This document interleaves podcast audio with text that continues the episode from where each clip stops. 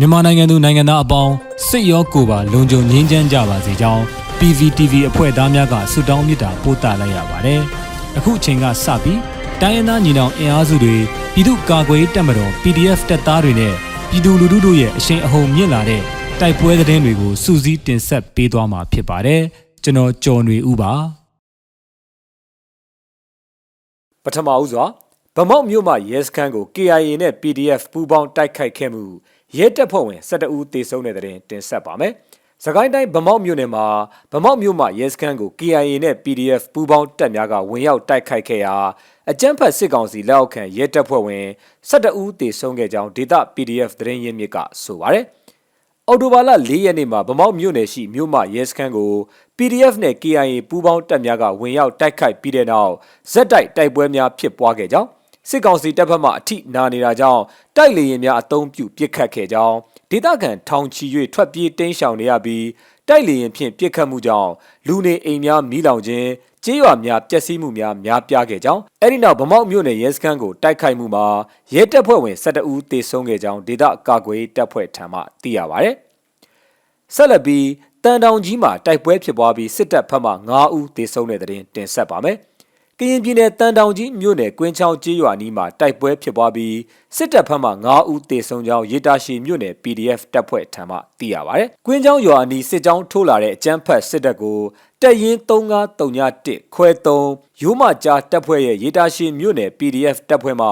အော်တိုဘာ6ရက်နေ့နနက်7:53မိနစ်ခန့်မှာစတင်တိုက်ခိုက်ခဲ့ပြီးတိုက်ပွဲဖြစ်ပွားကအကြမ်းဖက်စစ်တပ်ဖက်မှ9ဦးသေဆုံးခဲ့တာပါ။ အကြမ်းဖက်စစ်တပ်ဟာ16ဦးပါစစ်ကြောင်းတစ်ကြောင်းနဲ့35ဦးစစ်ကြောင်းတစ်ကြောင်းတို့ဖြင့်နှစ်ဖွဲ့ခွဲကာတိုက်ခိုက်ခဲ့ခြင်းဖြစ်ပြီးစစ်သား16ဦးပါစစ်ကြောင်းကိုရီတာရှီ PDF တပ်ဖွဲ့ကတိုက်ခိုက်ခဲ့ပြီး9ဦးသေဆုံးခဲ့ကြောင်းစစ်သား35ဦးပါစစ်ကြောင်းဟာကွင်းချောင်းရွာအတွင်းသို့ဝင်ရောက်ခါစိတ်တဲများကိုမိရှို့ဖျက်ဆီးသွားကြောင်းရီတာရှီမြို့နယ်ပြည်သူ့ကာကွယ်ရေးတပ်မတော်ရိုးမကြားတပ်ဖွဲ့မှထုတ်ပြန်ထားပါတယ်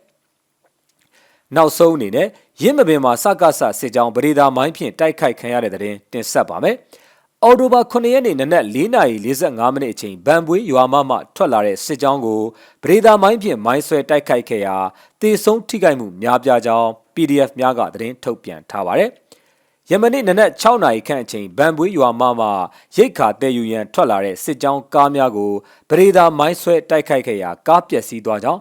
နနက်9နာရီခန့်မှာအောင်စီရကုန်းသို့ရိတ်ခါတင်ပြီးဗန်ပွေးရွာမသို့ပြန်လာတဲ့စစ်ကားကိုထပ်မံ၍ပရိသာမိုင်းဖြင့်တိုက်ခိုက်ခဲ့ကြောင်းကားအနောက်မှန်ပွင့်ထွက်လျက်မောင်းပြေးသွားကြောင်းသိရှိရပါတယ်။အဲဒီနောက်အော်တိုဘာ10ရက်နေ့နနက်8နာရီခန့်အချိန်ဖောကားဖြင့်အင်အား15ဦးပါစစ်ကြောင်းတံပြားများကာထားတဲ့စစ်ကားဟာ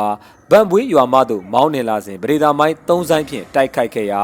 အဲဒီကကြောက်ထဲသို့ထိုးကျသွားခဲ့ကြောင်းသိရှိရပါတယ်။ စစ်ကားမှစစ်သားများဟာကြေးရွာတွေဘက်ကို40မမ60မမများဖြင့်အကျဉ်းရင်90ခန့်ထုပြီးရန်တမ်းပစ်ခတ်ခဲ့ကြောင်းမိုင်းမီသောကားကိုလာကြိုတဲ့ဗန်ပွေးရွာမမှပြူစောထီးများဟာလည်း9မိုင်ဂိတ်အနီးမှာတိုက်မိုင်းမိ၍ခြေပြက်သွားတာကြောင့်ကားဖြင့်လာရောက်တည်ယူသွားကြောင်းမိုင်းဆွဲမှုအကျဉ်းရင်များစွာရှိပြီးစစ်သားထိခိုက်ဒေဆုံးမှုမသိရှိရသေးကြောင်းထုတ်ပြန်ထားပါတယ်ခင်ဗျာ။